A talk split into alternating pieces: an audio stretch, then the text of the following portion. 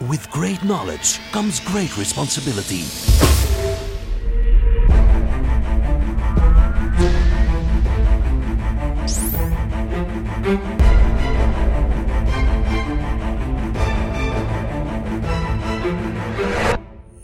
Fifty-two topics by Maarten Bové and Kevin Couvreur.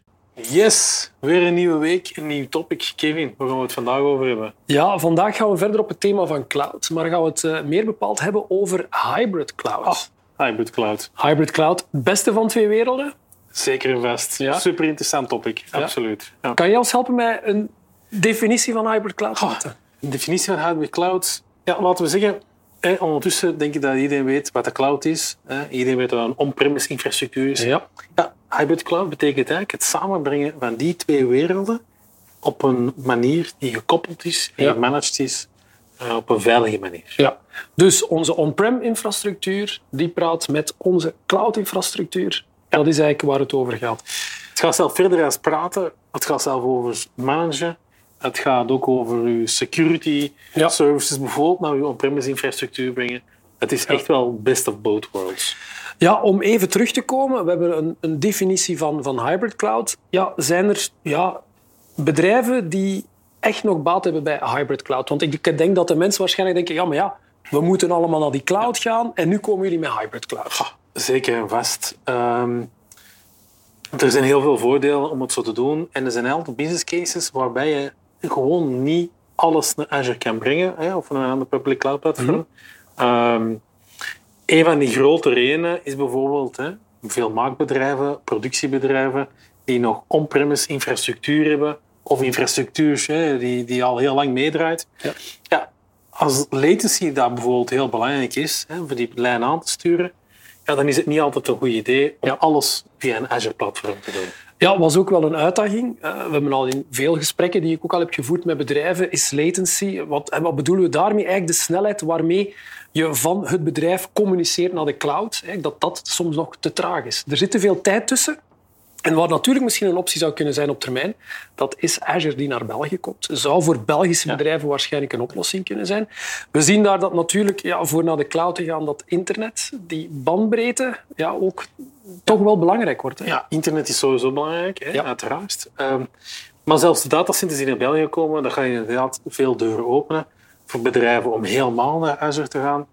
Maar toch blijf je misschien nog kritische applicaties hebben, ehm, kritische workloads, die gewoon beter eigenlijk in een on-premise infrastructuur blijven staan. Of die natuurlijk ook er moeten zijn om machines aan te sturen of bepaalde vitale opdrachten nog te gaan uitvoeren. Ja. En bah, er is ook soms een wetgevend kader hè, dat meespeelt. Dat is uiteraard belangrijk. Zeker en vast. Ehm, en we hebben het enkele episodes geleden ook over ons Cloud Lifecycle programma gehad. Ehm, daar ook, hè, het design, ehm, die migratie- en adoptiefase, is daar ook heel cruciaal. Hè. Dat is die oefening die we maken.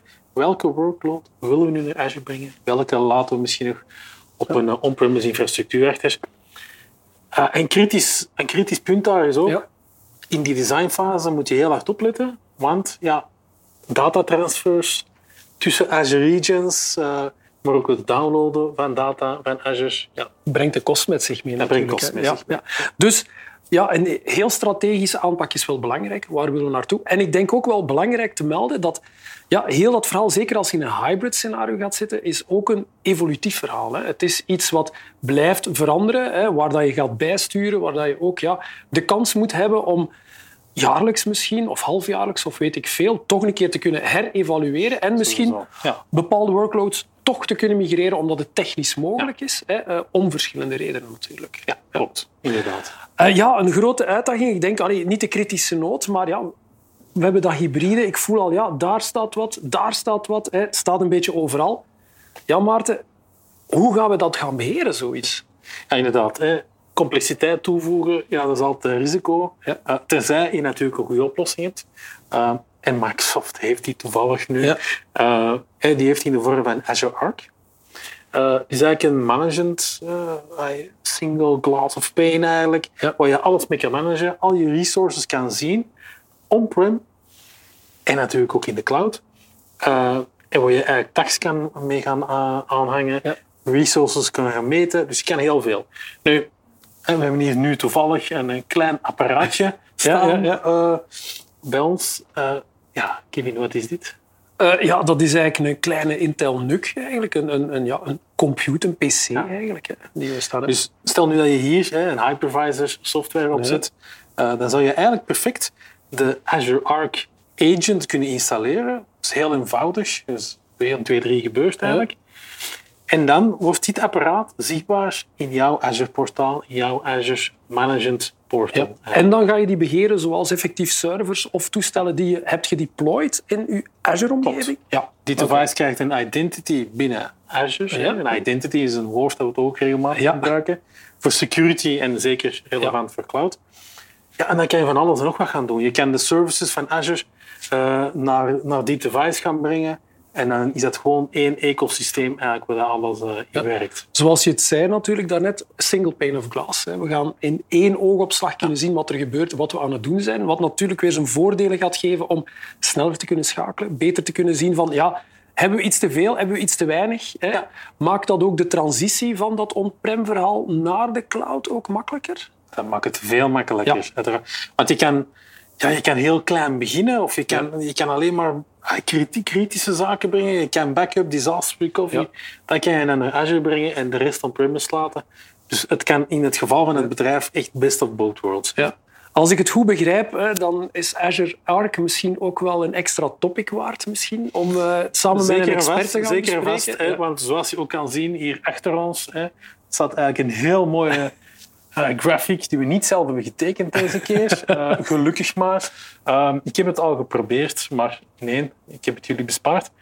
Ja, en hier zie je het eigenlijk allemaal. Eigenlijk, hè. Het multicloud verhaal, hè, want daar hebben we het nu niet helemaal over gehad.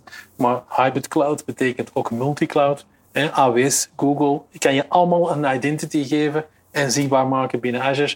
Het on-premise verhaal. En ja, ook een heel interessante als rond Edge, IoT.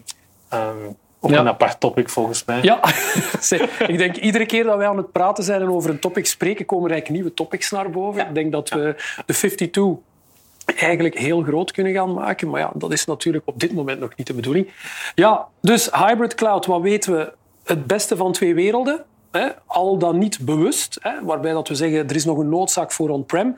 Ja, we hebben een management tool in de vorm van Azure Arc om, ja, als ik het goed begrepen heb, eh, multi-cloud scenario's te gaan doen. On-prem, ja, multi-hybrid, multi-location. Ja. Alles wat multi is in C Al kunnen, multi, we met, multi, multi. kunnen we met Arc gaan oplossen. Ja, lijkt mij heel goed. Ja, ehm, ja, hybrid cloud, voor welke klanten is dat nog een optie? Is dat iets dat we kunnen zeggen? Is dat iets specifiek of kan dat eigenlijk toepasbaar zijn voor iedereen? Om eerlijk te zijn, het is eigenlijk toepasbaar voor Ja. iedereen. Ehm, het, zeker, een bedrijf waar ik zeker aan denk, is iedereen die iets doet met productie. Ja. ehm, daar is het eigenlijk ideaal voor. Ehm, ook bedrijven die eh, internationaal werken. Ja. Ehm, het maakt het managen van je omgeving gewoon Ja. veel eenvoudiger. Dus eigenlijk ook aan de hand van het traject rond die cloud, cloud lifecycle management wordt ook wel duidelijk van moet er nog iets on-prem, kan alles naar de cloud en hoe gaan we dat Sowieso. gaan doen? Ja. Dus ja, hybrid cloud. Ik hoop, Maarten, was het voor u duidelijk? Voor mij was het duidelijk. Ehm, ja, ik zou, eh, het is zo'n interessant topic, hè, Ja. want je hebt ook Azure Stack. eh, en daar willen we natuurlijk... eh, dat is een topic dat we eigenlijk willen bewaren, volgens mij, Ja. voor een expert. Ehm, Ja, denk dat het wel een keer tijd gaat zijn voor... eh, Eindelijk die rode telefoon ja, gebruiken. onze hashtag rode telefoon gaan we moeten inschakelen. Ja, Ik denk enerzijds misschien voor Azure Stack en ook misschien Azure Arc eh, de expert gaan eh, binnenhalen om toch, toch nog iets dieper over de mogelijkheden Ja. van die, deze zaak te gaan kijken. Dus ja, Hybrid Cloud hebben we toegelicht. Weer een topic dat we kunnen eh, afvinken. Dus eh, bedankt alvast voor het kijken. Weet dat we zeker eh, uitkijken naar jullie input. Dus hashtag rode telefoon kunnen jullie ook gebruiken voor jullie vragen of opmerkingen. En tot de volgende topic, Maarten. Yes, en tot volgende week. Tot zo. hè. Dag.